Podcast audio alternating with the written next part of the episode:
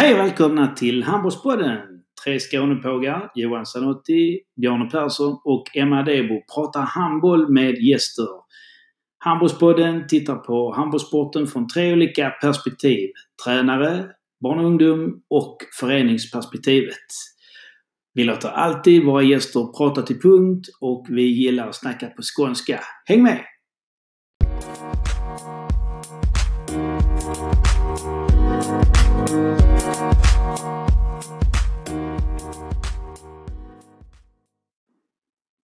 I dagens avsnitt har vi faktiskt ingen gäst.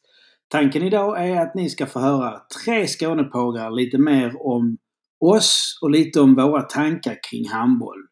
Hoppas det blir en spännande podd. Välkomna!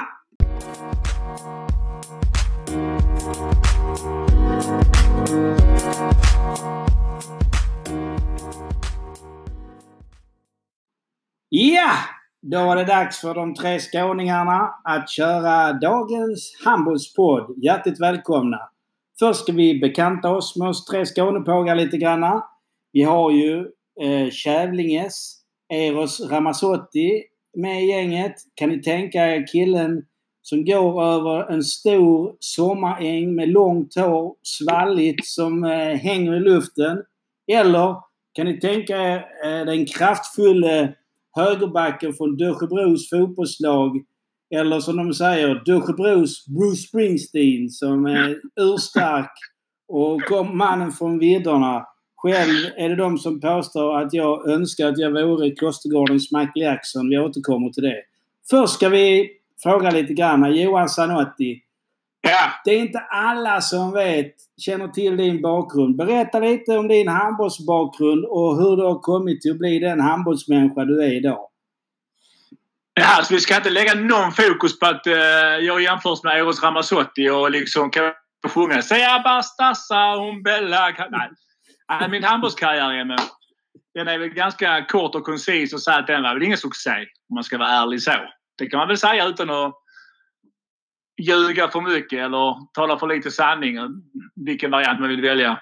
Det fanns ju just stora ljuspunkter i din karriär. Det minns jag som var ett år yngre Johan. Men det var, det var nog mer av rädsla Emme, du minns det? Alltså. Kan vara. Jag tror inte det var så mycket av min handbollskunskap eller mitt handbollsspelande du minns alltså. Jag tror det är mest mitt svallande hår och mina knästrumpor kanske. Jag vet inte. Ja, det var en ljuvlig upp uppenbarelse. Där växer du upp i Korsbackahallen i en fantastisk handbollsmiljö. Ja, det måste jag säga. Eh, både miljön och... Eh, jag vet inte den tiden. Ja, även Bjarne var ju med på den, eh, den eran kan man nästan säga. Men det var en fantastisk tid där. Eh, Korsbackahallen, det var någon form av fritidsgård med eh, vaktmästare som tillät att vi fick vara och hänga där uppe hur mycket vi ville. Bara vi skötte oss kan man säga liksom. Uh, så att uh, ja, det är faktiskt man har, man har en romantisk bild av den tiden. Måste jag faktiskt erkänna och säga. Och den, uh, den sitter djupt förankrad. Kan man säga. Sen att det blev bra, många bra spelare under den perioden är väl inte kanske inte så konstigt när de hade den miljön och, och de ledarna under den perioden. Så att eh, det är en helt rätt, helt riktig analys av dig kan man säga. Sen började du ledarbana. Eh, vad var det som gjorde att du ville börja bli handbollsledare? Eh, jag hittade ingen praoplats faktiskt. Så var det. Jag gick i nian och hade ingen praoplats. Och då säger Bengt Månsson, Ola Månssons pappa, att eh, du kan göra din prao hos mig här och hjälpa mig att träna 72orna. Då var jag 71 själv. Eh, så jag var hos honom i två veckor och eh, gick prao hos honom. Och sen så eh, fick jag ett lag i, Kävlinge efter det faktiskt. Och sen började det där. Jag tror mitt första lag måste ha varit 76orna. Kan det stämma? Ja, det kan nog stämma. Jag tror jag var mitt första lag att träna. Uh, så att uh, på den vägen var det. En praoplats helt enkelt. Och så tränade du lite ungdomar i Kävlinge och så blev det seniorlag både på dam och herrsidan också under din resa. Ja, det var ju när jag tror Kävlinge låg tvåa med Einar Lindo. Då fick jag frågan av Einar om jag ville vara med som assisterande runt eh, division 2-laget där. Och det ville jag såklart för det var ju spännande. Uh, och det, jag tror vi vann tvåan det året direkt faktiskt. Och går upp i ettan. Så jag är med, jag är med i Kävlinge i ettan där också ett år. Uh, och det var ju en helt fantastisk period alltså. Det var, då var det fullt i hallen två timmar före match. Var det inte så Björn? Eller en timme före match kan man säga i alla fall. Ja, och så Jan Ottosson var speaker. Vad han införde The Gladiators, kan man säga det? Det får man säga va?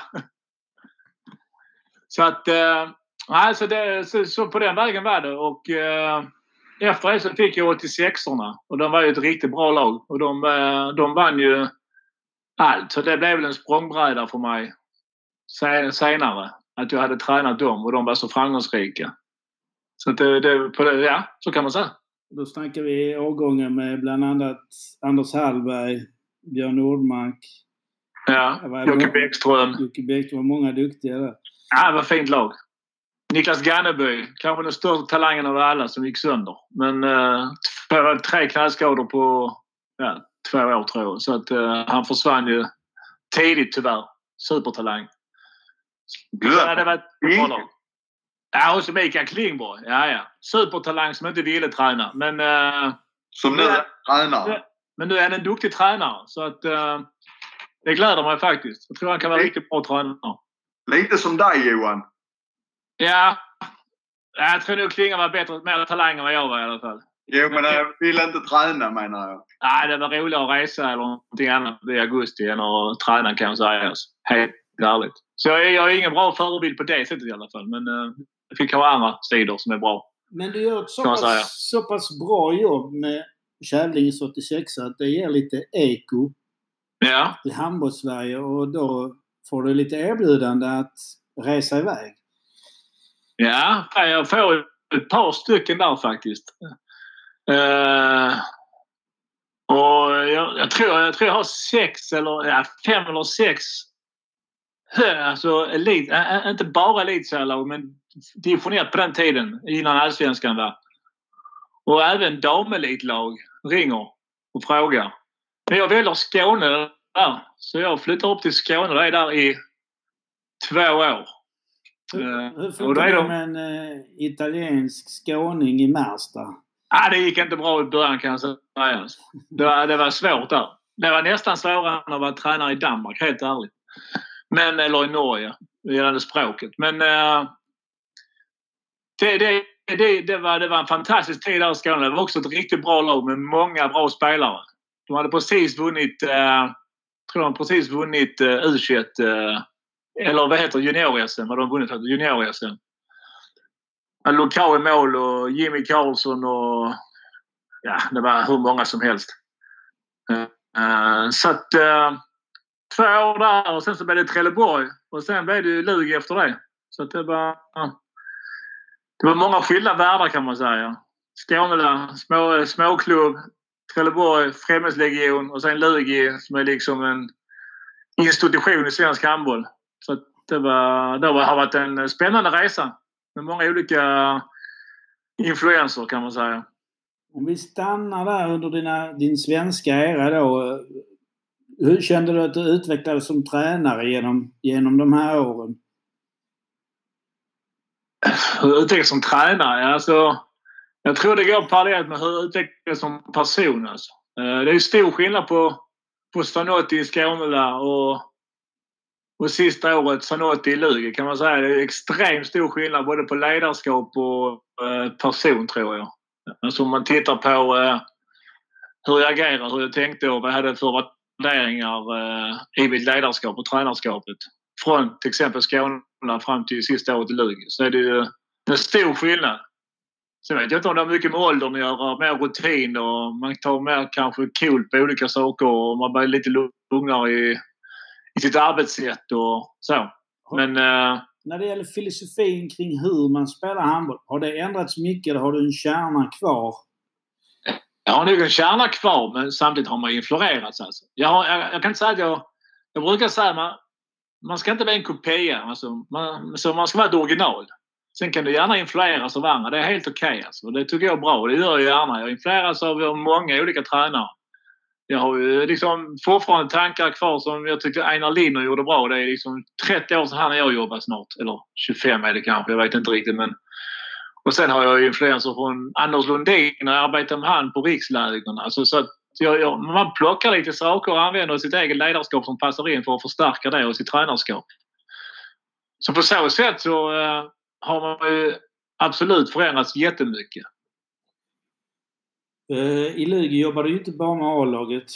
Vilket Nej. jag har bra koll på för att vi jobbade ju ihop i Lugi på den tiden. Du jobbade lite ja. neråt med juniorer och pojkar A med en fantastisk 95-kull. Med några spelare som Felix Cash, eh, Otto Lagerqvist, eh, Mörk och en viss Simon Jeppsson. Och det, det, blev ju bra men eh, även att några av de killarna hade du med i U-landslag. För du blev ju faktiskt U-landslagstränare i denna vevan också. Berätta hur det kändes. Ja, det var, det var en liten cool upplevelse för att Först så trodde jag det var ett practical joke faktiskt. Men uh, det, var, det, var, det var Anders Lundin som uh, Ludde som ringde och frågade mig om jag ville vara med på Riks till att börja med. Och det var väl lite så. För då, jag hade väl inte så bra rykte då under den perioden för det var mycket röda kort och sådär. Men det fanns inte Twitter och så på den tiden kan man säga. Så det var mest liksom... Ja. Uh, så, jag fick den där och sen så var jag klar med Luddes årgång 86-87. Så började Magnus Börjesson 88-89. Och då frågade han mig om jag ville vara med där. Och det var ju med Kim Ektor och Stenbecken och Oskar Karlén och Fredrik Pettersson och det var ju ett jävla lag alltså. Uh, och sen efter det så fick jag frågan av uh, förbundet om jag ville ta 94-95. Det var par år efter såklart och det var ju jättespännande och det var ju ett riktigt det var ett rätt häftigt lag faktiskt. Det var inga sådana jättesuperstjärnor då men det var, de var kloka och nu är det många av dem som är ute och spelar så det var, det var ett bra gäng alltså. Så det var, och då var jag parallellt med Lugi samtidigt. ju. Och sen i slutet på din karriär så har du tagit en avstickare till Norge eh, och en avstickare till Danmark. Eh, jag måste fråga dig Johan lite. Du har fått frågan tidigare. Om du jämför handbollskulturen i Sverige, Norge, Danmark. Vad är lika och vad är olika tycker du i de här tre fina handbollsnationerna? Alltså egentligen är det ganska svårt att säga för att Alltså tittar man alltså, om man är i Norge så säger Norge vad är, det, vad är det Sverige gör så jävla bra och vad är det Danmark gör så jävla bra. Sen när man är i Danmark så är Danmark så danskarna titta vad är det svenskarna gör som är så jävla bra? Vad är det norrmännen gör som är så jävla bra? Och så sa vi samma sak om Norge och Danmark. Så alltså egentligen så, så tror jag inte det är så liksom, extremt stor skillnad på, på hur vi tränar och var vi tränar. Jag tror mer bara liksom som jag tror mer det handlar om mer liksom kultur och tradition i landet. Alltså, tittar du på liksom, de norska ungdomarna. De är liksom mycket mer vana vid, vi, och, och, och det låter det dumt, men att gå på tur liksom. De är mycket mer friluft Så det är mycket mer rörelse och, och det här liksom, kan man säga.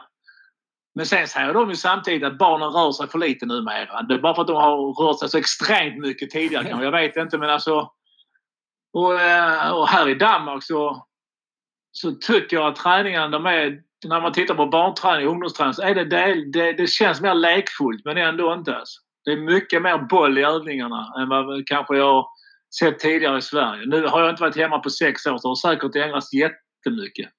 Uh, eller det har det kanske inte. Det, det vet ni två bättre än mig. Men, uh, jag tror inte det är så mycket, nej. Nej. Men alltså jag har känslan liksom att det, rent handbollsmässigt så är det inte så stor, jättestor skillnad på hur, vad vi tränar. Men jag tror det mer liksom handlar mer om kulturen, hur personerna är, hur, hur barnen är, liksom, hur ungdomarna är i sig själv.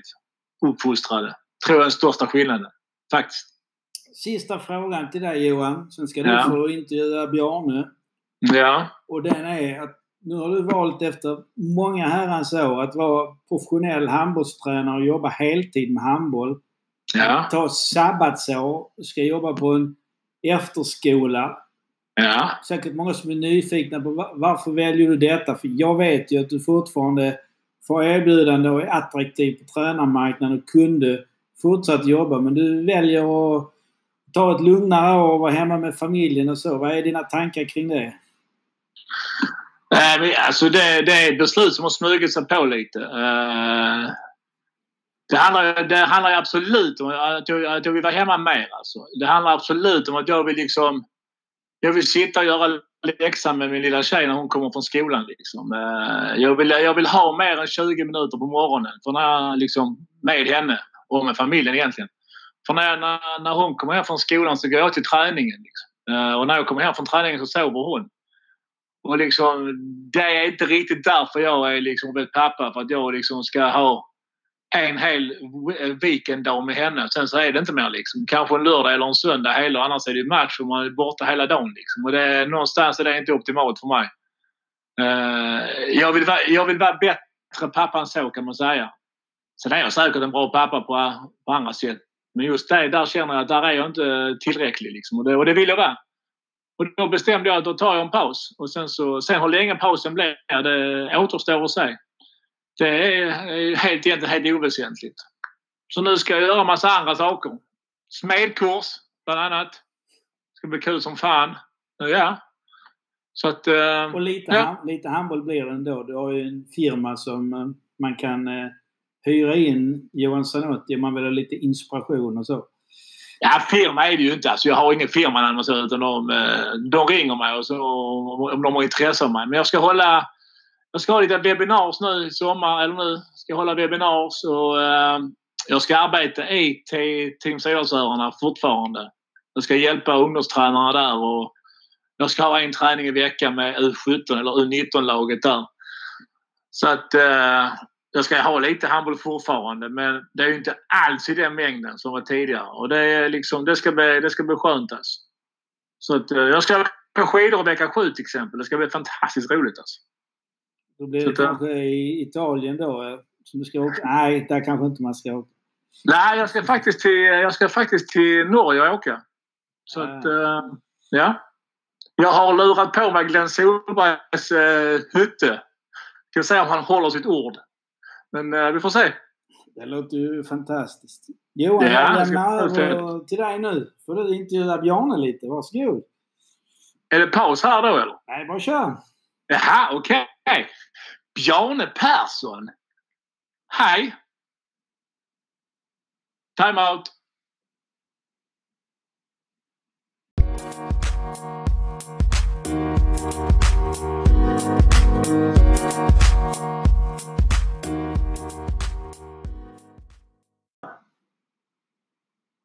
Ja! Yeah.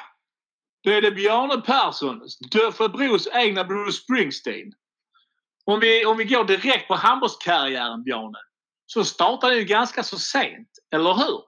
Ja, det stämmer. Jag gick i åttan eh, när jag eh, började eh, spela handboll. Jag är ju, är ju från eh, Kävlinge eh, handbollsklubb där, men jag är uppväxt i en, eh, en sån Alltså 50-skylten sitter ju på samma stolpe så att så stort är Dösjebro ungefär, eller var på den tiden. Nu har det vuxit lite mer med, eftersom det är, går pågatåg genom eh, Dösjebro. Så att det har vuxit ganska mycket. Men en, eh, en liten by eh, mellan Kävlinge och Landskrona är jag uppväxt. Ja, vi från Kävlinge ansåg den var liksom en Bonnahålan. Så då kan man ju tänka sig hur liten den var. Ja, ja, jo, men, men det ansåg ni ju om de flesta ställen utanför Kävlinge Johan, du och dina kompisar. Så att... Ja, man, man kan väl säga man var inte speciellt rädd för, gra- man man var inte rädd för grabbarna från Dösjebro. Det är svårt vissa som var äldre än oss, men skit i det. Ja. Uh, din karriär, Björn, ja, Kävlinge. Uh, du spelade med 73orna där, det stämmer va? Ja, de var bra. Det var ett av många uh, rätt så dugliga handbollslag som uh, på början av, födda början på mitten 70-talet där. Ja, det är ganska spännande där. För liksom, okej, okay, 71 var kanske inte så bra med vårt gäng där, men vi har ändå OK. Men eh, sen har vi bra kullar. 72 73 74 75 Extremt bra kullar får man faktiskt säga. Ja. Vad tror du det? Vad, vad, vad kan det bero på, Bjarne? Vad beror alltså, det på, tror du? Jag tror att det var de ledarna som, som hade de åldrarna där. Det var många, många ledare som hade varit med och startat Kävlinge handbollsklubb och som hade varit med i de första åren i seniorlagen och så. Så de hade nog en rätt så rätt så bra bild och en bra känsla för vad de ville göra med föreningen och, och hur man skulle träna handboll. Så att, eh, det, det, var många fina ledare där. Du nämnde ju Bengt eh, Månsson där innan. Och, och Göran Schultz och Bengt Heide och där, där fanns en, en hel del människor som, som liksom hade varit med från starten i Kävlinge handbollsklubb. Så att, eh, det, var, det var bra, bra eh, driv på den tiden. Ja, det är, det är ofta de namnen som nämns. Man, man får inte glömma Bertil som tränar 74. Var det inte det? Han är också extremt ja, ja, precis. Ja, ja. ja. Han brukar aldrig nämnas i de här andetagen, men det tycker jag faktiskt han ska få lov att göra. Så ja. att, eh, om du lyssnar på det Bertil, så varsågod. Eh, vi, vi, vi går vidare Björn. Eh, och du har, man får väl säga att du, du var väl ingen talang egentligen. Du var mer en träningsprodukt. Så snackas det på läktaren i alla fall. Ja, det du, du, du har ju hävdat att jag har ju bara två bra egenskaper som, som handbollsspelare och det är ju att, att uh, jag är vänsterhänt och, och, att jag tycker det är kul att träna alltid och hur mycket som helst. Det, du har sagt det och det, det stämmer ju till viss del. Jag är ju ja, alltså jag tycker om att kämpa och, och så men jag var ju vänsterhänt så jag fick ju spela liksom så det var ju tur. Och, och, och nu är du bara vänsterhänt kan man säga. Vad sa du? Och nu är du bara vänsterhänt. Ja, precis. ja, ja, precis. Ja, det är kul. Uh, men du, du tar ju faktiskt och, och kommer in och, uh, och ska spela division 1 för, för Kävlinge när vi går upp där, eller hur? Men då uh, drar du korsbandet, eller hur?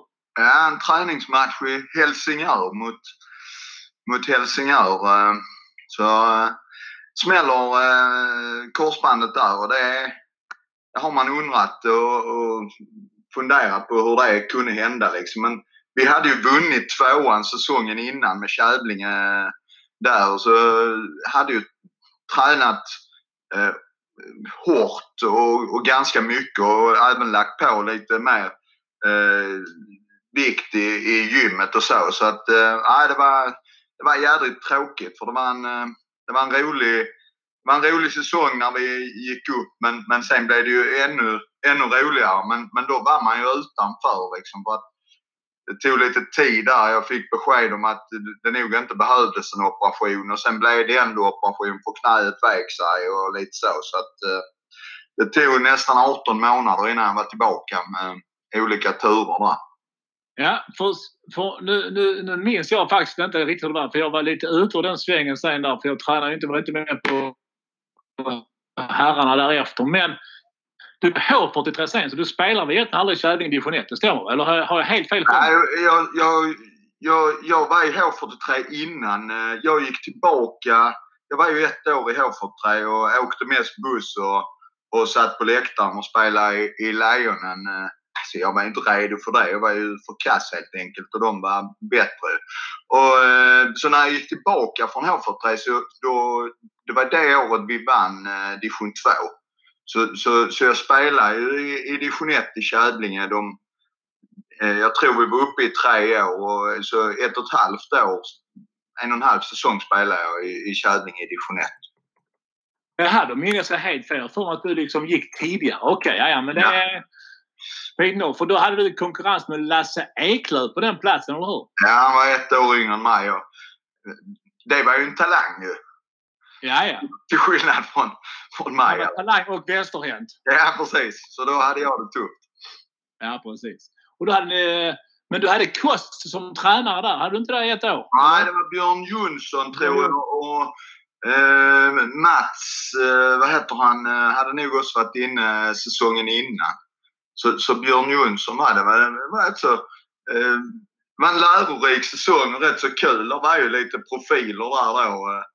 Eh, eh Roger Fisken Andersson spelade och, och eh, Daniel Broman var med där och så. så var, man lärde sig mycket de här eh, diskussionerna om, om försvarsspel och så. Och sen så lyfte ju de upp sina, eh, alltså Tobias Fält och Mats Thomas och när de kom upp eh, där på den tiden. Eh, H43 också då. Så att, eh, det, det var lärorikt. Men eh, det var Björn Jonsson som var tränare då när jag var där. Ja. Och det kan man väl säga var mer eller mindre din tränar... Förlåt, din spelarkarriär? Kan man ja, säga? Den var, ja, det kan man säga. det kan man. Den, den, den stoppar i Kävlinges eh, division 1. Ja. Kan man säga det? Ja, ja. Men sen, sen så, men parallellt med det här så är du ju tränare. Ganska tidigt, är du inte det? Jo, vi, eh, vi, vi, jag började ju faktiskt vara ledare direkt eh, när jag blev, blev 15 år. Så jag hade väl spelat handboll ett år och sen så blev jag tränare eh, för eh, pojkar eh, födda 1980 i Kävlinge. Så det var mitt, eh, mitt första och de var ju, det var ju jättesmå då och det var ju inte minihandboll och så men de var väl, eh, ja de måste varit sju, sju, åtta där eh, när vi började träna dem. Jag och Jonas Schultz och Ola Jakobsson tog det laget. Ja. Det är också en grej med Kävlinge HK att många av spelarna som spelar i ungdomslagen var tränare. Kan man, Ja. det, är faktiskt, det, det tror jag också är en stark faktor till att det var, den perioden var så ja, både rolig och spännande och framgångsrik för Kävlinge. För det kom, Ja. många, bra, eh, kom många spelare på den där. Men det, efter det så, så, har du, så blir du elitserietränare. Ja, det blir jag. är väl eh, 30... Ja, jag är över 30 precis i alla fall. Eh, och då har jag ju tränat alla möjliga lag i, i eh, Kävlinge. Eh, och samtidigt har jag, har jag gått tränarkurserna och sen har jag då varit eh, sån här Skånelagstränare och så för lite olika årgångar. Och då ringer ju Claes-Göran Möller från Eslövs IK så att jag, går, jag har aldrig tränat ett seniorlag och går rakt in i, i eh, elitserien med, med Eslövs IK då. Så ni är svenska mästare när du kommer, eller? Ja precis, de hade väl vunnit två år i rad när jag kommer där och de hade väl skeppat iväg eh, 11 spelare till proffslivet där på, på två säsonger någonting. Så att, eh, ja, det, man blev ju bättre där också men det var ju, så här i efterhand så var det kanske lite tidigt men eh, jag har ju haft jädra nytta av de tre åren jag var tränare i, i Eslöv och lärde mig massa saker både om mig själv och om, om eh, hur, hur man är eh, och så. Även med media och press runt omkring och så. För att det blev ju lite liv där men, men samtidigt så bytte vi ut stora delar av laget och, och tog in eh, andra spelare. Så att vi, vi spelar väl jag tror vi åkte ut i kvartsfinal eh, två år och, och gick till semifinal tredje året eller något i den stilen. Så att, eh, Ja, ja, det stämmer. Men där arbetar du ganska tajt med Claes-Göran Möller som man får säga var väl en, var, var en stor profil i Skånehandbollen på den, och den tiden. Var det inte det? det måste Jo. vara, jag, alltså, snackar, jag, tänker, jag, tänker, eh, jag tänker mediaträningen och det med honom måste varit jävligt häftigt alltså. För han kunde sina grejer där alltså. Ja, och han var ju jävligt driven. Han hade ju, han hade ju skapat eller gjort väldigt mycket gott i, i lågan i Hörby då och sen så eh, tog han sig ju an då det här samarbetsprojektet som kommer inte ihåg vad det heta Skåne eller något i den stilen. De skulle, det, det var väl Lågan och Eslöv och någon, någon klubb till. Men sen blev det ju Eslövs IK och alltihopa då, eller Team Eslöv då. Eh, men, men Klas-Göran, verkligen en, en, eh, en eh, profil och en, en, en väldigt tydlig idé om hur man driver både ett, lag och en, en klubb. Liksom. Så där, det har jag lärt mig mycket av på det sättet. Liksom. Spännande, spännande. Uh sen har jag faktiskt inte så mycket mer än det Bjarne. Fått Nej. det och nu, men vi kommer göra det gäller dig och tränarkarriären. Men nu har du faktiskt startat en ny karriär måste jag säga. Och den är ju någonstans det jag tycker jag är mest imponerad över. Din karriär var väl okej. Din tränarkarriär på elitserien OK. Men det du har gjort ute i Löddeköpinge med Lödde Vikings. Det ska du, alltså där är jag, jag är, det är inte ofta jag säger det om andra, men jag är mäktigt imponerad. Det har jag sagt till dig tusen gånger. Även nykter har jag sagt det till dig. Så att eh, det är ju sant då, eller hur? Ja, då är det sant. Ja, för jag, jag har ju sagt att jag tycker du ska ha en staty på torget ute i Löddeköpinge, där vid centrumet. Det kan Ja. vara inte så mycket folk som ser den där ute, men du skulle haft den där. Beskriv Ja, jag- lite, be, prata lite om din, eh, ditt projekt där som du startade för, jag vet inte, tio år sedan snart. Alltså, det var ju, det var ju vi, vi, vi, vi flyttade ju till Löddeköpinge från eh, Lund, jag och min, eh, min fru. Och, och här fanns ju en handbollsklubb när jag kom till och, och flyttade hit. Men, men det var ju eh, väldigt mycket hjärta, väldigt mycket passion. De hade ju en ordförande, Per Karlsson, i, i Löddeköping idag som är världens godaste föreningsmänniska. Men, men, men strukturen i föreningen och, och eh, handbollskompetensen eh, var väl inte riktigt där. Men, men vi, vi var några stycken som, som hade flyttat från Kävlinge och, och några från Lund. Så, eh, Christian Håkansson, eh, Sia Schultz och, och där var en del eh, personer som hade varit ledare innan. Som hade barn då som var födda eh, 02, 03, 04. Så vi, vi bestämde oss för att och, och, och göra någonting ordentligt. Eh, och det har faktiskt rullat på och det, det är kul. För nu, nu har vi 44 lag i, i seriespel och, och när vi började denna resan 2007-2008 eh, så, så hade ju klubben tre, eh, tre lag i seriespel. Så att, eh, det, det är roligt. Och där har jag lärt mig mycket just kring föreningsbyggande. För det är faktiskt... Men det hade lite i ditt bagage med Claes-Göran Möller kan jag tänka mig. Ja, lite grann. Alltså, han har lite sådana idéer om, om just för att få alla lagen att vara med och så här. Alltså du får, fick inte lov att... Ingen, man tillåter ingen lagsponsring utan ska du sponsra klubben så är det, är det klubben du sponsrar. Och det är samma regler för alla lag. Och det, är, alltså det, det är lite sådana genomgående tankar för att minska risken för konflikter inom föreningen. Liksom. Det, det är rätt så tydliga ramar och rätt så tydliga regler för vad som gäller för, för alla lag i föreningen. Och då, då blir det att man kan fokusera på, på att lära barn att älska handboll. Liksom. Så slutfrågan måste bli från min sida är ju är det fortfarande det här hatet mellan Lödde och Kävling när man spelar? Liksom? Jag kommer ihåg när man spelade mot Lödde med Christer Skida och och ja, vad fan... Vad hette, ja, vad, vad, hette, vad, vad hette Drödel i mål och ja du vet det gänget där vet du. Ja, ja.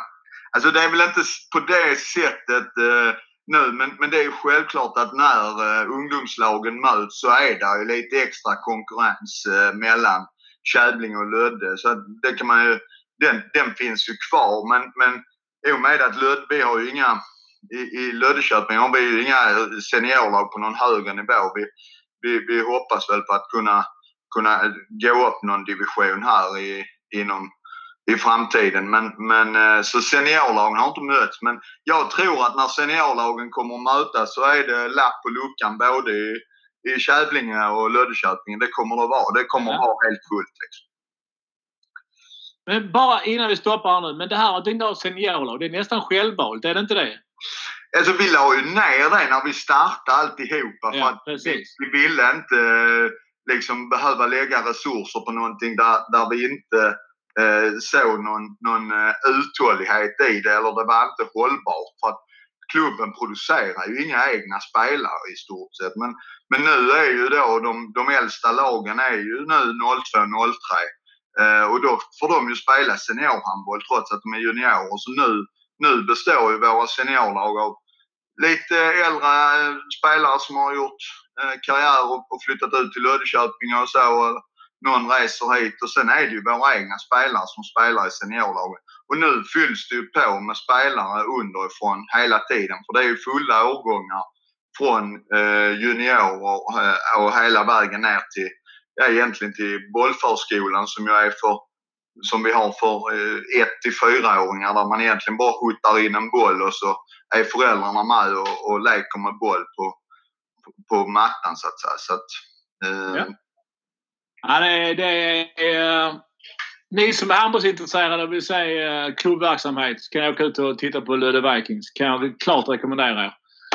Med det eh, avslutar jag intervjun med Bjarne Bruce Springsteen Persson. Tack du!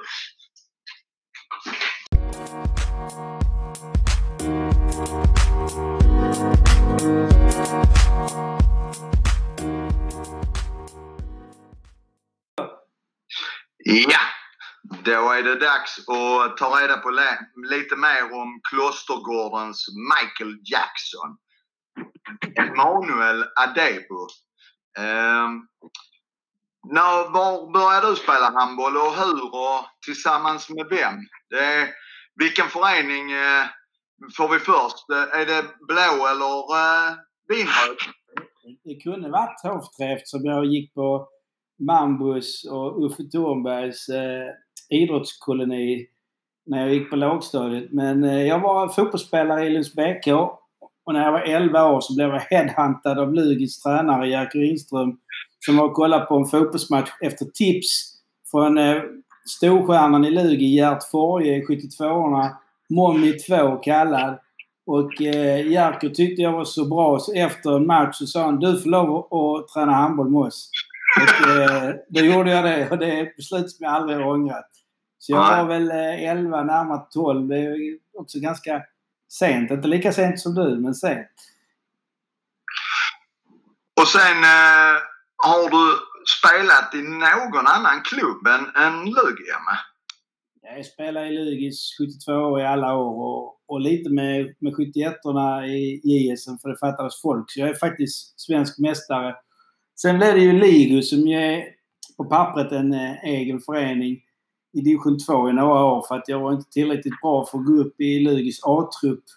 Och sen blev det faktiskt en säsong i, i LA med eh, Gert Malmros och Peter Fladder Sjöström som tränare också. Så att, eh, ett år var jag någon annanstans. Annars är jag nog en av de spelarna som gjort flest matcher i ligu genom tiderna i alla möjliga divisioner. Från division 2 till division 5.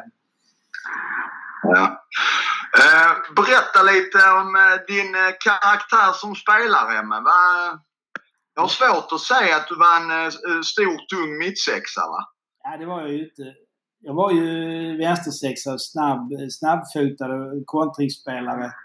Men när vi skulle spela pojkarsvenska, som det hette på den tiden, USM för 16-åringar, så försvann alla våra tre nior av olika skäl. Ola Olsson åkte med sin pappa Olle till Norge som blev tränare där.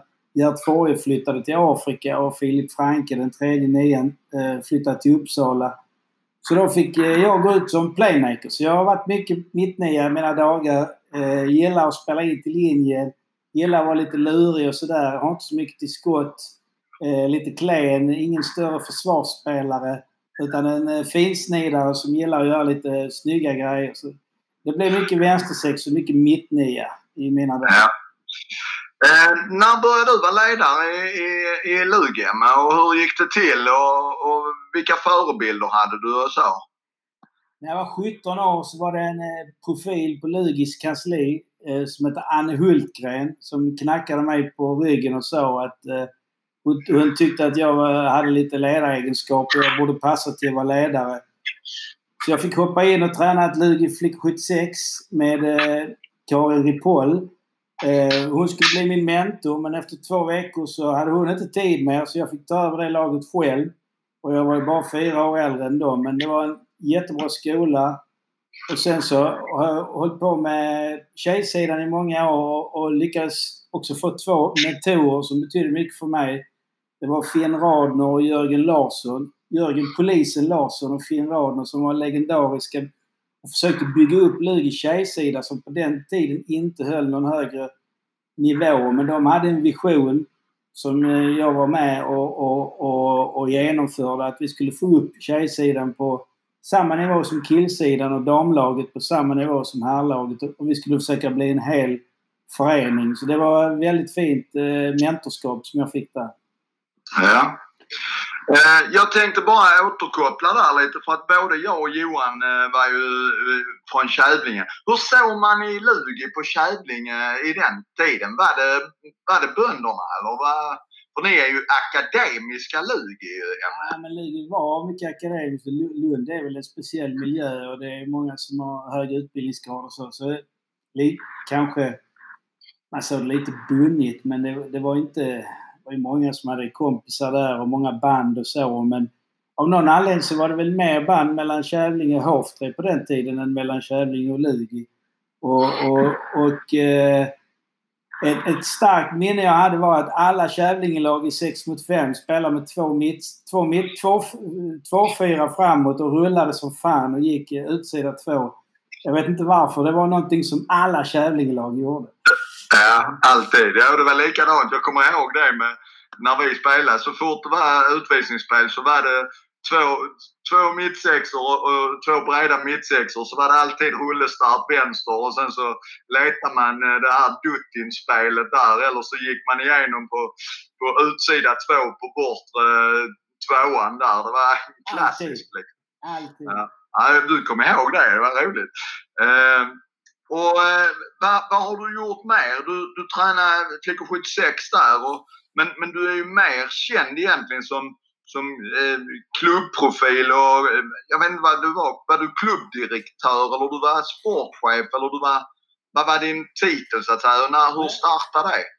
Först började det faktiskt med att jag fick eh, äran att träna damlaget eh, eh 95 och, och efter att ha tränat flickor 86, flickor 78, flickor 82 varit lite involverad i 79-80 också där. Det var ju Harris och Dala och RuPaul och Bröderna Värend och lite såna, min brorsa och lite, vi var ett gäng som tränade massa lag och hjälpte varandra. Och så eh, fick, fick jag träna damlaget och då engagerade jag mig jättemycket i ungdomssidan och till slut så kom eh, ordförande Thomas Persson och sa ja men du sitter med i alla jävla kommittéer här så det här duger inte. Vi anställer dig nu i klubben. Och, och då fick jag sluta träna damlaget och jobbade och har haft titel som både klubbdirektör och klubbchef och sportchef i, under 16 års tid i, i Lugi då. Och det, den, den resan, det är, ju, det är ju damerna som är väl den, den stora förändringen ihop med Lundaspelen på de 16 åren. Kan man, är det någon slags eh, tolkning? För det, det, är väl de delarna som har vuxit och som, som idag är är två av benen som, som Lugi står på kan man säga. Ja precis. Eh, här, här och pojksidan har ju alltid varit ganska bra. Så det var ju att utveckla Lundaspelen vidare var ju en viktig grej eftersom det ger Lugi mycket självförtroende och mycket ekonomi och mycket bra handboll och utveckling.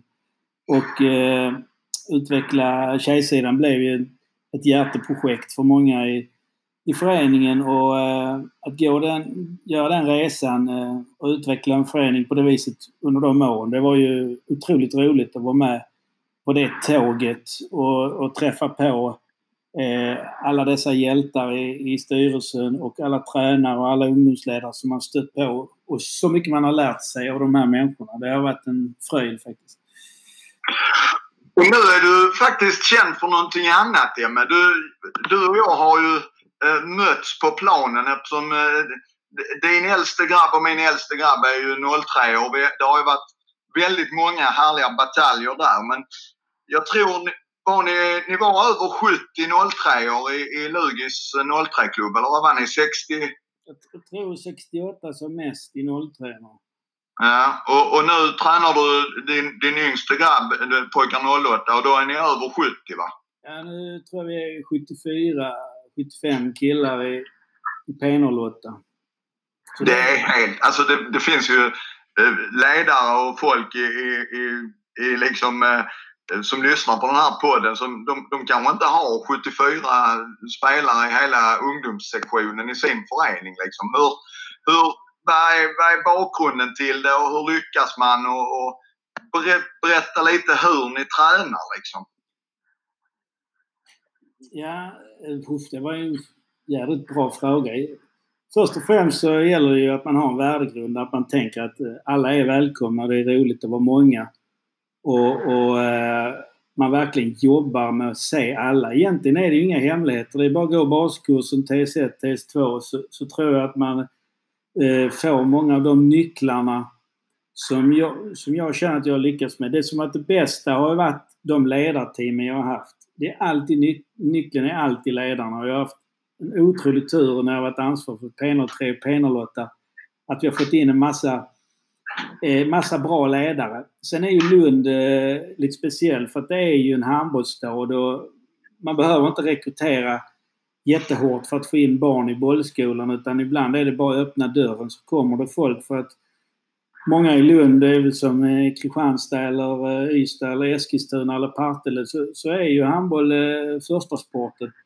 Och i Lund är det ju ofta så att antingen är det Lugi eller Hoftre som är störst i en årgång och som drar till sig många unga. Och, och eh, jag har haft tur i mina årgångar att det har varit, varit Lugi och då har vi organiserat att vi oftast har kanske två och en halv timme i, i hall och så kommer hälften första timmen och sen kommer andra gänget och så kör man fys en halvtimme gemensamt och sen går det första gänget och så kör det andra gänget. Så efter två och en halv timme är man rätt slut av att gått igenom så många killar. Men eh, det, det är skitroligt och det funkar. Vi kan, vi kan ha stora grupper och ge individuell kvalitet, hävdar jag. Mm. Mm. Ja, vi har diskuterat det också. Det, du, du, du, måste ju tänka till innan eh, du kommer till din träning om du är över 70, 70 barn som, som kommer. Eh, hur, hur skulle du vilja, eh, alltså från den tiden när, när du själv började vara ledare till idag, vad är den stora förändringen tycker du? Eh, den stora förändringen är att på den tiden så var man kanske en, två ledare på ett lag och föräldrarna höll sig borta. Eh, och, så, och så körde man. Nu för tiden är föräldrarna med och eh, har massa åsikter och kan vara jobbiga eller bidra massa och kan vara en jäkla tillgång. Och idag så jobbar man i större ledarteam. Eh, vi var inne lite på det med en podd med Uffe Schewert där om att eh, man jobbar mera i team och, och eh, det är lite annorlunda, tänker jag. Mm. Eh, jag tackar så mycket för introduktionen och presentationen av Klostergårdens eh, Men du, Emme, är det så att du är eh, Lunds eh, första mörka rappare? För då betyder det ju att Timbuktu har ljugit i TV, Stämmer detta? Jag vet inte om han har ljugit, men eh, jag hävdar... Han hävdar ju att han var den första. Ja, ja, ja. Jo, det står i hans bok också. Nej, men det stämmer inte. Jag var ju den första. Du var först, ja. ja, ja men, ju... men, man kan säga att du är inte störst. Nej, eh, inte bäst heller. Men jag var först. Stort tack, Emma Debo. Tack så länge.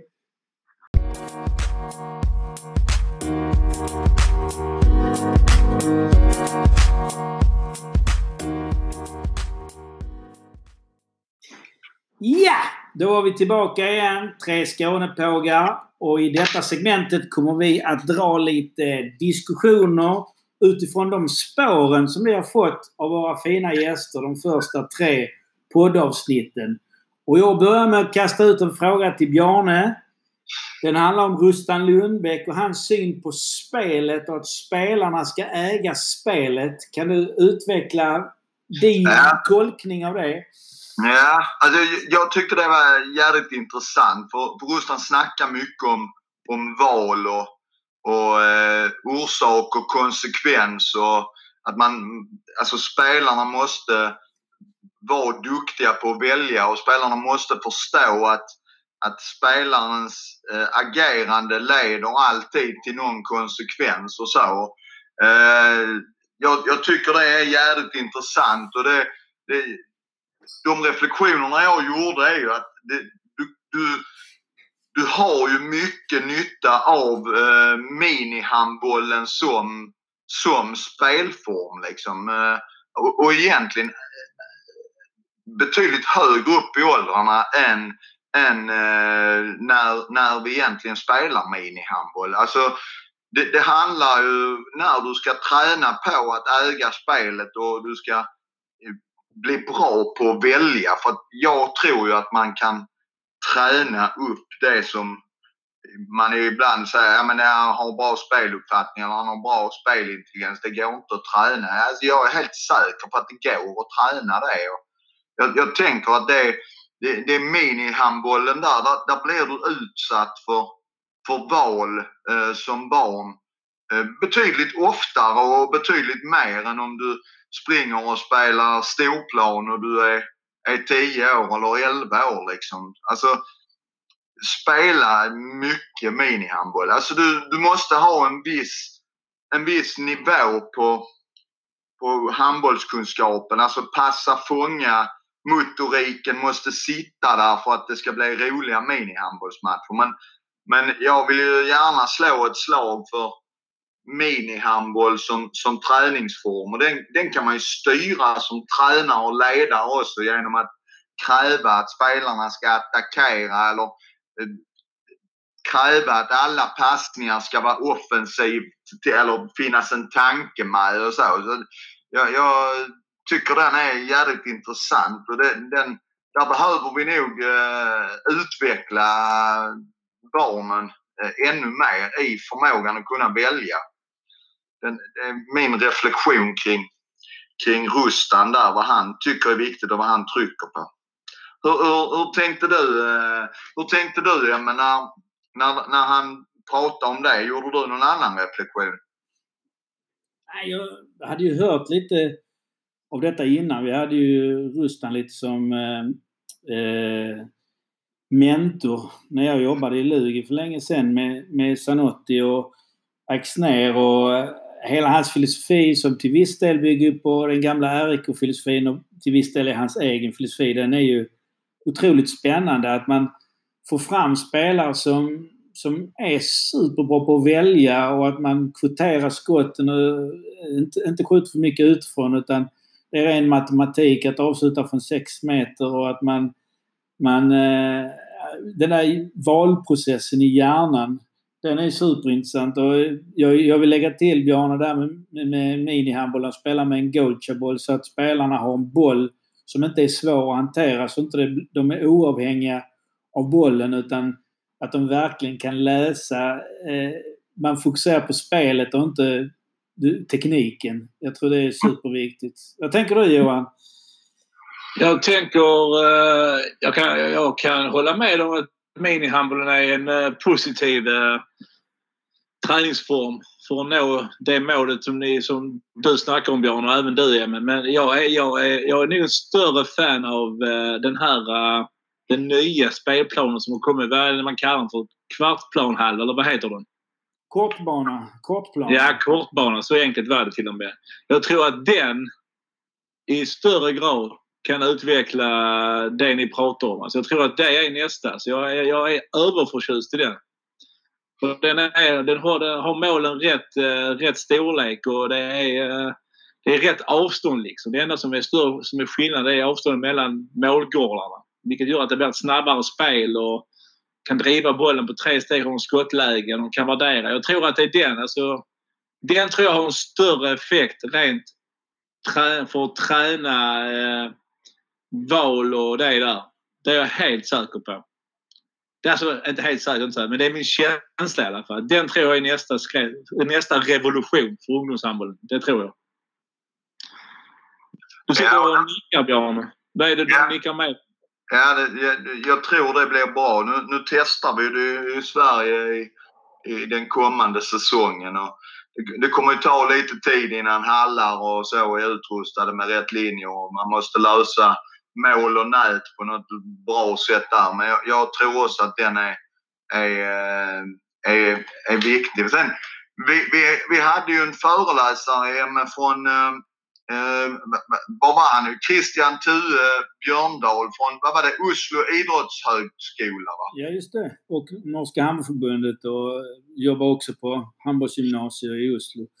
Ja, och han hade ju en rätt så intressant eh, teori där, eller där han påvisa forskningen just från fotbollen med, med eh, mindre yta, mindre tid, färre spelare, utvecklar spelintelligens och och, och eh, speluppfattning där. Och då, det, hans tolkning av det var ju då att, att vi måste eh, tidigt börja träna barnen i eh, spelsekvenser och i matchsekvenser. Även om, om du har ett, ett speciellt eh, syfte med din övning så, så bör du lägga övningarna så att det innehåller spel och val. Och det, det är precis det som händer både på minihandboll och på kortplan. Att, att, att spelarna tvingas göra fler val och träna på att göra val. Så jag, jag, tror vi är på rätt väg där. Sen är det ju lite motstånd i början såklart. Men, men eh, det, det, det är intressant och jag, jag, jag, jag tycker det är klokt det som Rustan var inne på och snudda eh, på det. Och då eh, glider vi över till nästa fråga. Den går till Johan. Uffe Schäfer Yes. hade ju många intressanta saker att komma med. Och bland annat så var han lite brydd över att, eh, brydd är skånska, lite orolig och fundersam kring försvarsspelet bland unga spelare. Och eh, ibland bristen på intresse att skydda det egna målet. Och vad tänker du om det Johan? Ja, alltså. Jag, jag blev lite så... Eh, jag vet inte riktigt om jag, om, jag- om jag håller med honom alltså. Men eh, jag kan inte påstå att jag ser en tendens där de inte vill, vill försvara sig. Men jag kan se en tendens där de tycker att att det kanske är roligare att spela anfallsspel. Alltså, förstår ni vad jag menar? Liksom? Det, det, det, det ena utesluter inte det andra. Men jag, jag kan hålla med om att ungdomarna idag inte är kanske lika bra på att försvara. Men det tror jag har en jävligt stor anledning till att anfallarna är mycket bättre idag än vad de var tidigare. De, har, de är mycket bättre på det vi pratade om innan. Göra tidigare val och allt det här. Och försvarsträningen har kanske inte gått i parallellt med anfallsträningen. Så, så kan jag tänka mig. Och därför tycker jag det är spännande det Svenska handbollsförbundet gör nu. Att I landslagen ska de spela båda vägarna. Liksom.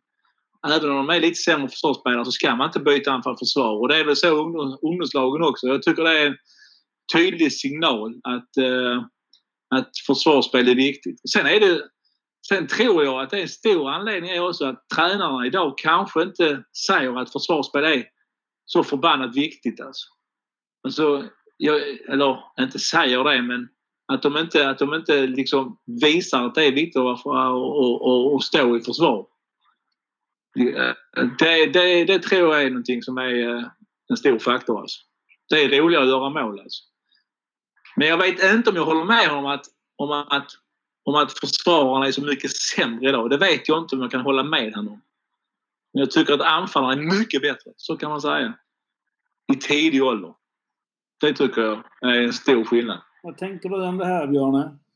Ja, nej, men alltså det, det, det är intressant och jag, jag tror du har eh, rätt också Johan att, att utvecklingen på hur vi tränar passningar och skott och anfallsspel har kanske sprungit iväg lite mot, mot försvarsspel. Sen, sen är jag lite, lite på samma tema där. Det, utvecklingslinjen där. Man, vi vill ju i Sverige att vi ska spela 3-3 från början och så. Och, och, och där, jag, jag tänker att om du, du ska spela 3-3 och du är tränaren för ett gäng eh, 10-11-åringar så. Alltså, det funkar ju inte bara eh, slänga ut barnen och spela 3-3. Alltså, du måste ju träna på, på din snedställning och du måste träna på hur man låser och hur man jobbar i fötterna. Alltså det, det kommer rätt så mycket grejer med att du, du ska spela 3-3 för det ställer ju jävla krav ju.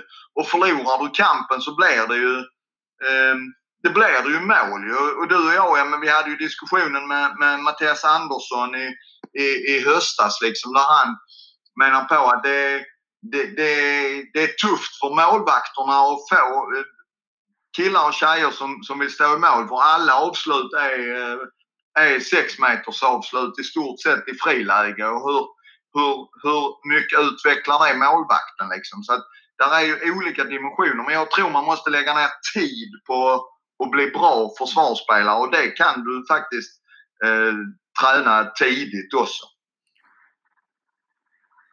Tillbaka till dig Ja, ja alltså, jag, jag, jag, jag håller med dig Björne men samtidigt är det du säger att vi ska, att vi ska träna 3-3, vi ska göra det och vi ska göra det. Alltså, jag gick min första tränarkurs, jag vet inte när det var, det måste vara tidigt 80-tal. Då satt vi på Scandic Hotel över en weekend och det var Lennart Johansson och fan var det? Ja, skitsamma som höll i den. Var det inte Uffe? Va? Var det inte Uffe? Nej, jag tror inte det var Uffe. Men jo, det kan ha varit Sandgren. Men Ja. då, då snackar de liksom om vi ska träna bålgetingförsvar. Vi ska träna offensiv försvarsspel. Vi ska bli bra i offensiv försvarsspel. Det är 30 år sedan vi snackade om det. Och fortfarande så spelar 95% av alla ungdomslag i Sverige 6-0. Alltså, Ja, inte kanske, men du förstår vad jag menar. Det är fortfarande... Ja, ja. Det är fortfarande för många där. Men... De spelar till och med 6-0 när de spelar, när de spelar minihandboll för fan. Ja, det... Jag får, jag får gråa hår när jag ser det. Men skitsamma. Men det, alltså, ska vi bli bra på att spela offensivt så måste vi tränare bli bra på att träna det. Ja. Och sen ska vi ha jävligt klart för oss. En stor, en stor faktor i att spela 3-2 det är inte att vilja släppa en jävel över bron. Och, och jag är helt säker på, det här sa Anders Lundin en gång till mig. Och jag kommer aldrig glömma det. Sanotti, vi vet inte vad det innebär att inte släppa en jävel över bron. För vi är inte, exempelvis, vi är inte uppvuxna i Balkan på 80-talet. Vi vet inte vad det innebär att inte släppa en jävel över bron. Vi har inte den mentaliteten. Svenska Sverige kommer ha jättesvårt att bli bra i 3-2 och offensivt försvarsspel. För vi har inte den mentaliteten att stänga igen. Förstår ni vad jag menar när jag säger så? Ja, och det är ju det Per också är lite inne på med, med sina tjejer där ju. Att det, intensiteten och viljan där. Det, ja, absolut. De, Så, spe, de, spelar ju, de spelar inte bara för sig själva eller för laget. De spelar ju för hela landet. eh, känns Ja, men det är det jag menar. Det är det jag menar. Inte släppa en jävel över bron.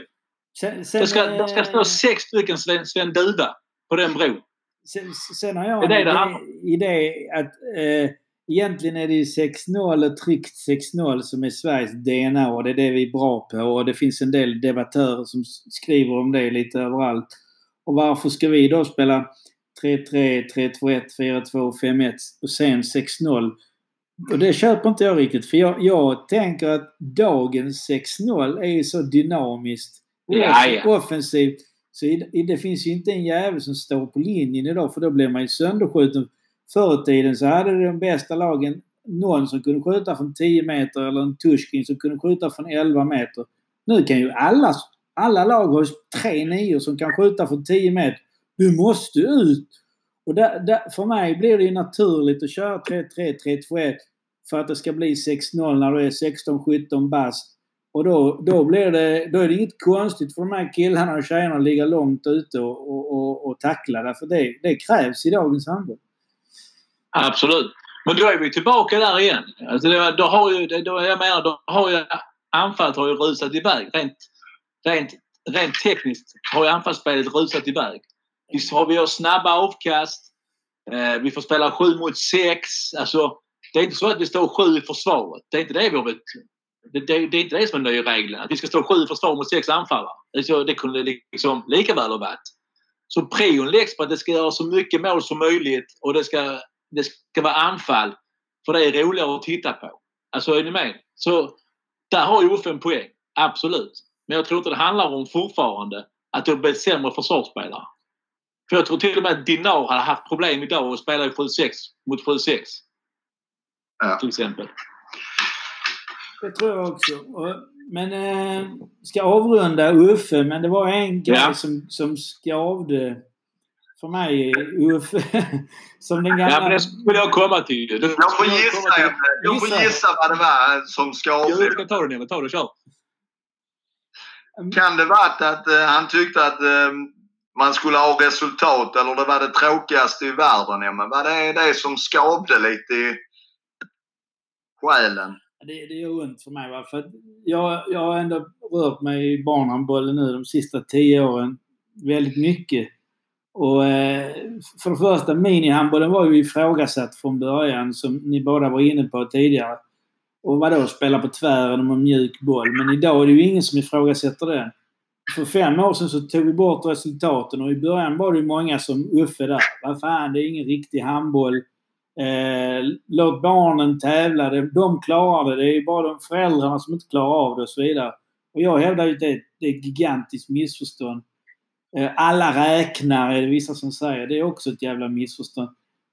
Det har hänt mig flera gånger när jag spelar match i minihandboll att båda lagen jublar efter matchen för de tror de har vunnit.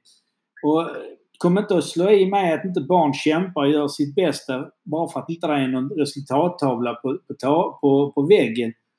Men tvärtom är det ju barnen som behöver den där slippa den där stressen när de är i en inlärningsfas. Nu pratar vi 6 till till 10 år när vi spelar minihandboll. Det Vi eventuellt skulle kunna diskutera det om vi ska införa när man är 11 och inte när man är 12. Det, det kan jag leva med. Men 6 till 10 år, det här är helt fantastiskt. Barnen spelar utan press. De gjorde en undersökning på Island hur många som sköt eh, när, de, när det var resultat och när det inte var resultat. Det, vissa vågar ju inte skjuta och lämna bollen till den bästa spelaren när det är resultat. Men när det inte är resultat så skjuter alla som har läge. Det utvecklar alla på ett helt annat sätt. Jag skulle ju även vilja att vi tog bort bollar som studsar och bara kan passa så vi får igång ett bättre passningsspel.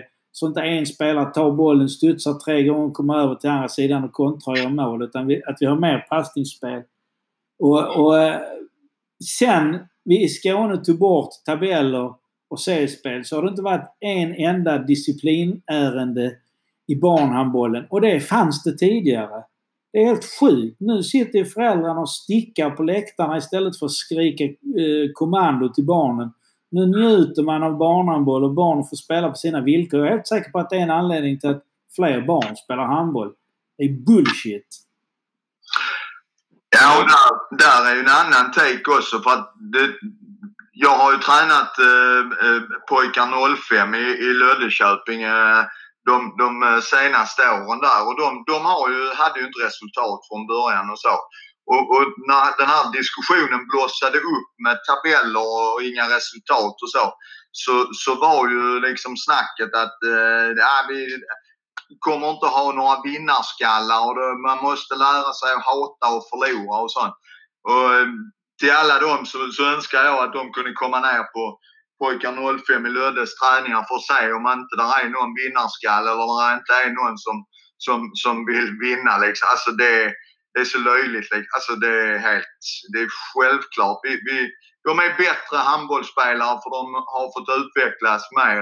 Eh, och eh, det är världens eh, skallar liksom. Sen, sen är kanske inte de superrepresentativa för alla men eh, nog fan så, så är, det, är det fighting hela vägen eh, trots att de inte har spelat med resultat. Så den tror jag inte alls på liksom. Och då ska vi avrunda med en sista fråga. Vi tar en, en, ett spår från Per Johansson också.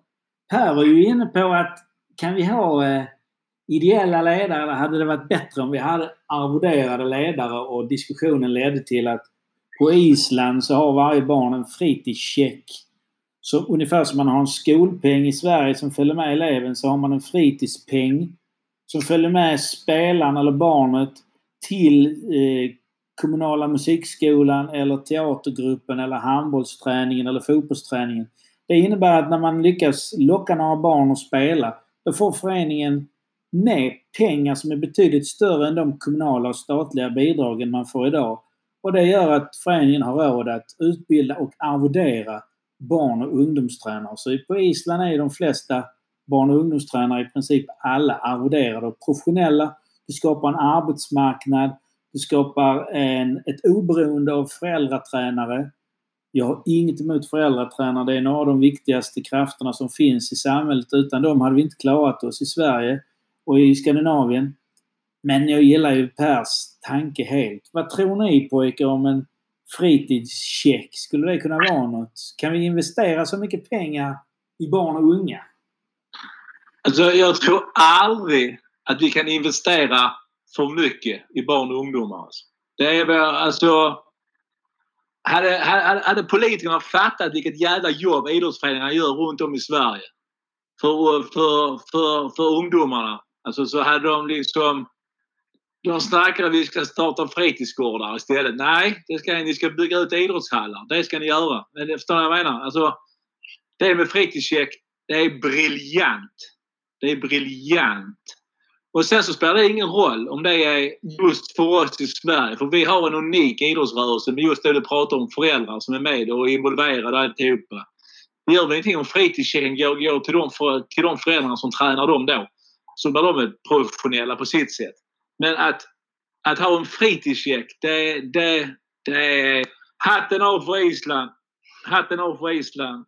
Men de har väl insett vad idrotten, idrottsrörelsen innebär för, för barn och unga. Till skillnad från, eh, ja, det var inte, vi ska inte bli politiska här men de har förmodligen insett vad, vad grogrunden är alltså. Bakgrunden där var ju att man hade problem med ungdomsfylleri och eh, knark och ungdomar som eh, hög arbetsungdomslöshet och så vidare.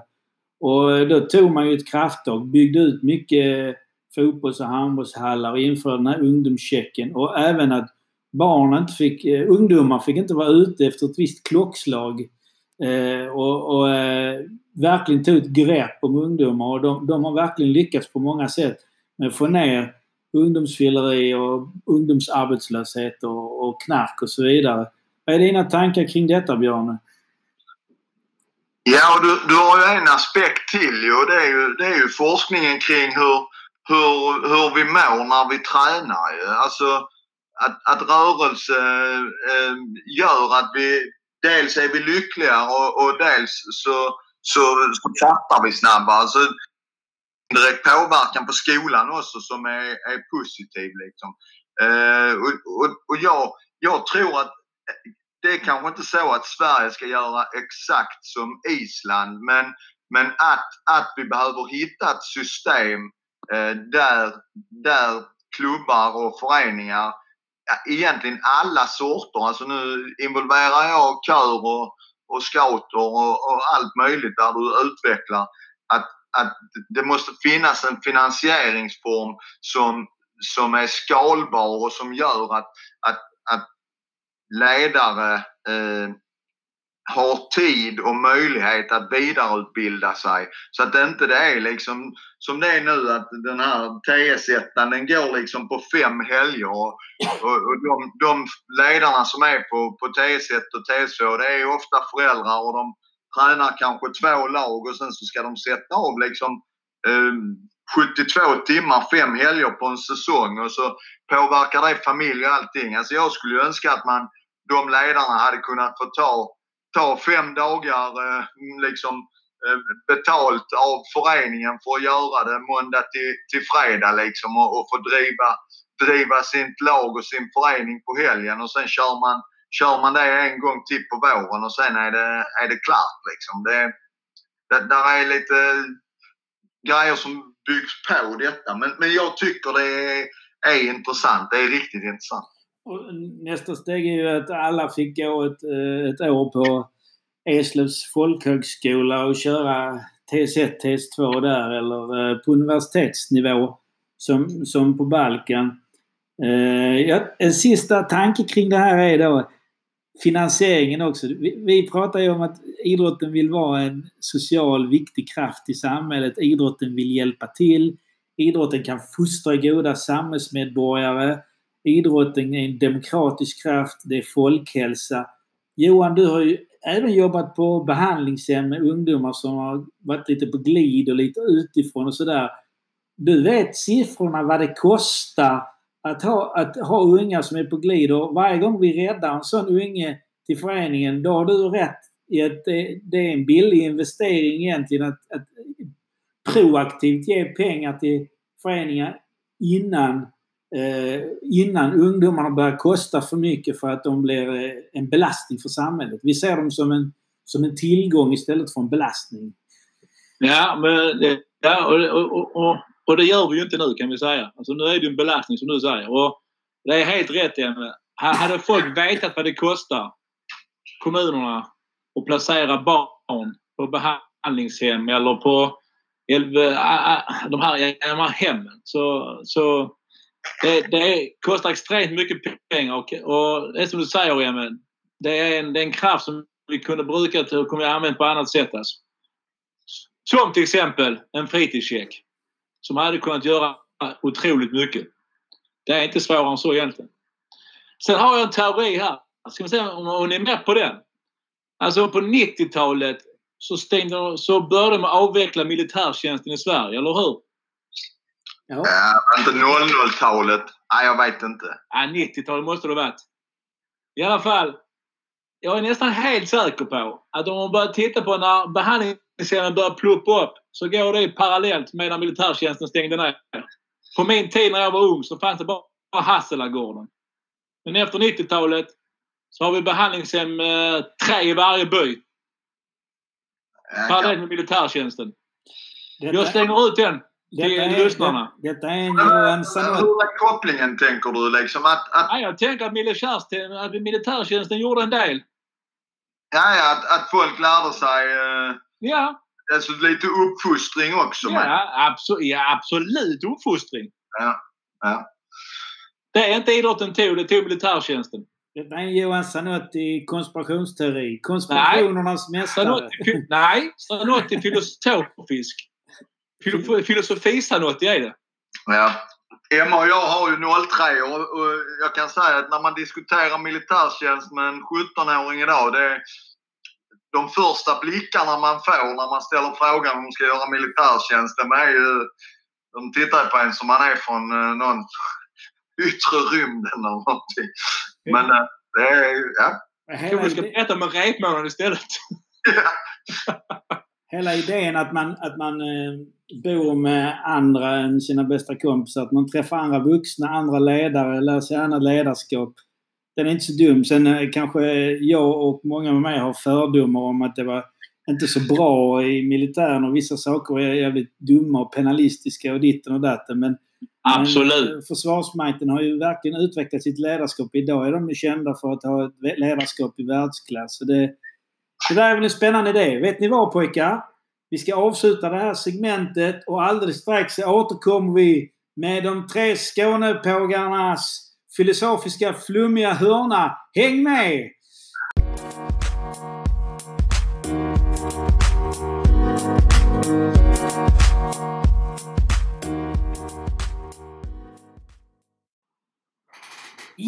Då är vi framme vid det sista segmentet i dagens handbollspodd. Och vi har tre Skånepågar på plats. Och en mycket rolig detalj är att vi har fått väldigt mycket positiv cred och feedback av er lyssnare på vår podd, vilket vi är glada för. Och vi vill gärna ha ännu mer tips av er på spår vi ska ta upp. Men en återkommande, ofta flitigt använd feedback är att det var ju otroligt vilken bred skånska ni snackar. Och eh, ibland kan det till och med nästan vara svårt att begripa skånskan. Vad har vi för kommentarer på detta, Mr Dösjebro?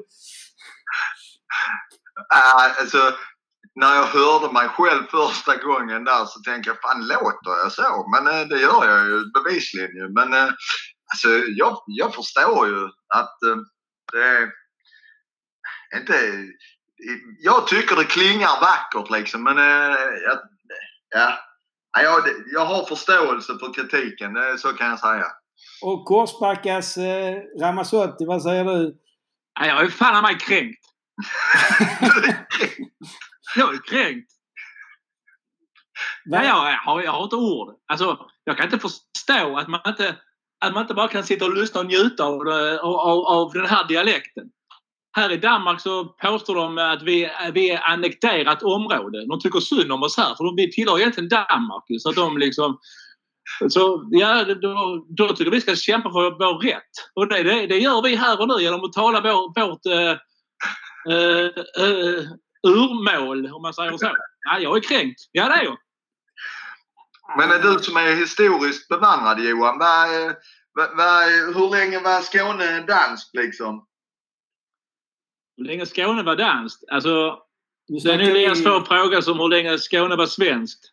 Så att eh, Men var det, det, var var det, från och till, det var från och till hela tiden. Men man gör ju en försvenskning eh, när de bestämmer sig. Jag vet inte vad det är under Karl X kan det ha varit, eller Karl XI. Nu kommer nog eh, min gamla historielärare Svolle och slå ihjäl mig om jag har fel här. Men jag tror det var under Karl X kan det ha varit. De gjorde en försvenskning. Och det gick på 60 år. Då byter de ut alla, alla biblar och sånt till svenska. Man fick bara ha... Eh, ja. Det heter det. i kyrkan så att det var... eh, Ja, och det var bara på svenska och Och alltihopa. Så att, sex- eh, 1670-talet instiftas då Lunds universitet. Det är också en del i försvenskningen. absolut. Men du hade rätt. Det var det på 1600-talet. Då var jag inte helt fel på det. Nej, Men, eh, Skåne blev ju Skåne blev svenskt vid slaget vid Knäred va? och då är vi på 1650-talet om jag minns rätt. Ja, vid freden vid Knäred blev det. vid Blev det. Så var det. Freden vid Knäred. Ja, Ja. så, så har vi slaget vid Lund och så freden i Roskilde Ja, vi, vi får gå igenom eh, den historien senare. Men det skånska språket... Podd ju, så att vi kan, ska nog inte... Men att Skåne, skånska är fint och att Skåne har en viktig impact på svensk handboll. Det, det, det, kan vi vara eniga om. Och när det gäller att ha en impact på svensk handboll så är det dags för Handbollspodden att komma med ett litet avslöjande. Ty det var så här att på 90-talet så var det ett stort gäng Skånepågar som på den tiden höll till på A-flickor och A-pojkar och inte hade etablerat sig som tränare som bildade en hemlig tränarklubb. Och en den, Illuminati! det, det, det kanske till och med var Illuminati. Björne, yeah. vad var det för pågar som ingick i den skånska tränarklubben på 90-talet? Det var vi tre i alla fall. Ja, det var det ju. Ja. Ola Månsson, Niklas Harris, Mats Engblom, Christian Kribba Andersson, Martin Martin va? Han heter ju Lundgren då. Han heter Edblad nu ja. Ja, Lundgren ja. Kenneth. Gästartist Kenneth Andersson. Han fick bara vara med en gång. Anledningen till varför behöver vi inte släppa här. Det håller vi för oss själva. Uh, det var väl vi va? Ja.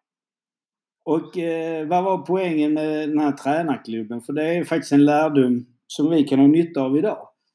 Alltså, eh, jag vet inte, Bjarne kan ta sin vers av det, men min poäng var att vi, vi träffades och hade jävligt trevligt och, och snackade handboll och, och eh, kom med idéer till varandra. Under tiden vi hade väldigt roligt eh, på kvällen sen också och åt god mat. Bland annat eh, bjöd du mig på etiopisk eh, nationalrätt.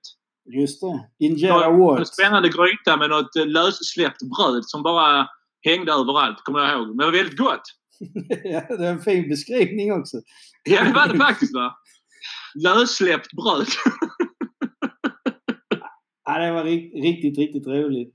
Ja. Och det intressanta är ju att, och det är ju någonting som man, man kan ta med sig och som man kan slänga ut. Alltså och hitta och skapa ett nätverk med människor som du kan, som du kan eh, snacka handboll med eller som, som kan hjälpa dig. Eh, eller du kan bolla saker och sånt. Alltså jag tror det är så det, den tränarklubben där är, är kanske inte själva de timmarna vi satt där och vi, vi, vi hade ju lite hybris också för att vi, vi satt där ett gäng uh, unga tränare som inte var torra bakom öronen och utsåg årets flopp uh, innan säsongen uh, på, av elittränarna. Och, ja, det, det, det var lite, lite, lite lite hybris hade vi ju där. Men, men jag tror själva nätverket och ha någon att snacka med, alltså det är jävligt viktigt och, och, och, och utvecklande. Och, och tittar man så här 20-30 år efteråt så, så, så eh, är, är ju människorna och, och vi som var med där att det, det blev ju jävligt eh, mycket handbollare av personerna liksom. Så att, det, ja, samtliga, samtliga har väl mer eller mindre vid ett tillfälle levt på handboll. Ja. Mer eller mindre har väl alla gjort det? Eller, eller? eller idrott. Alla, ja, eller idrott. Ja, alla har varit ja. heltidsanställda inom idrott. Och de flesta handboll och flera har varit förbundskaptener och elittränare och så vidare. Och två tosingar sitter kvar på Skånes handbollförbunds kontor och försöker göra någonting vettigt där. Det var ju ett coolt gäng. Det, var roligt. Men det, det är otroligt. Så det är som du säger Björn, vi sitter där och vi håller på. Vi håller till på handbollens absoluta bakgård kan man säga. Mer eller mindre.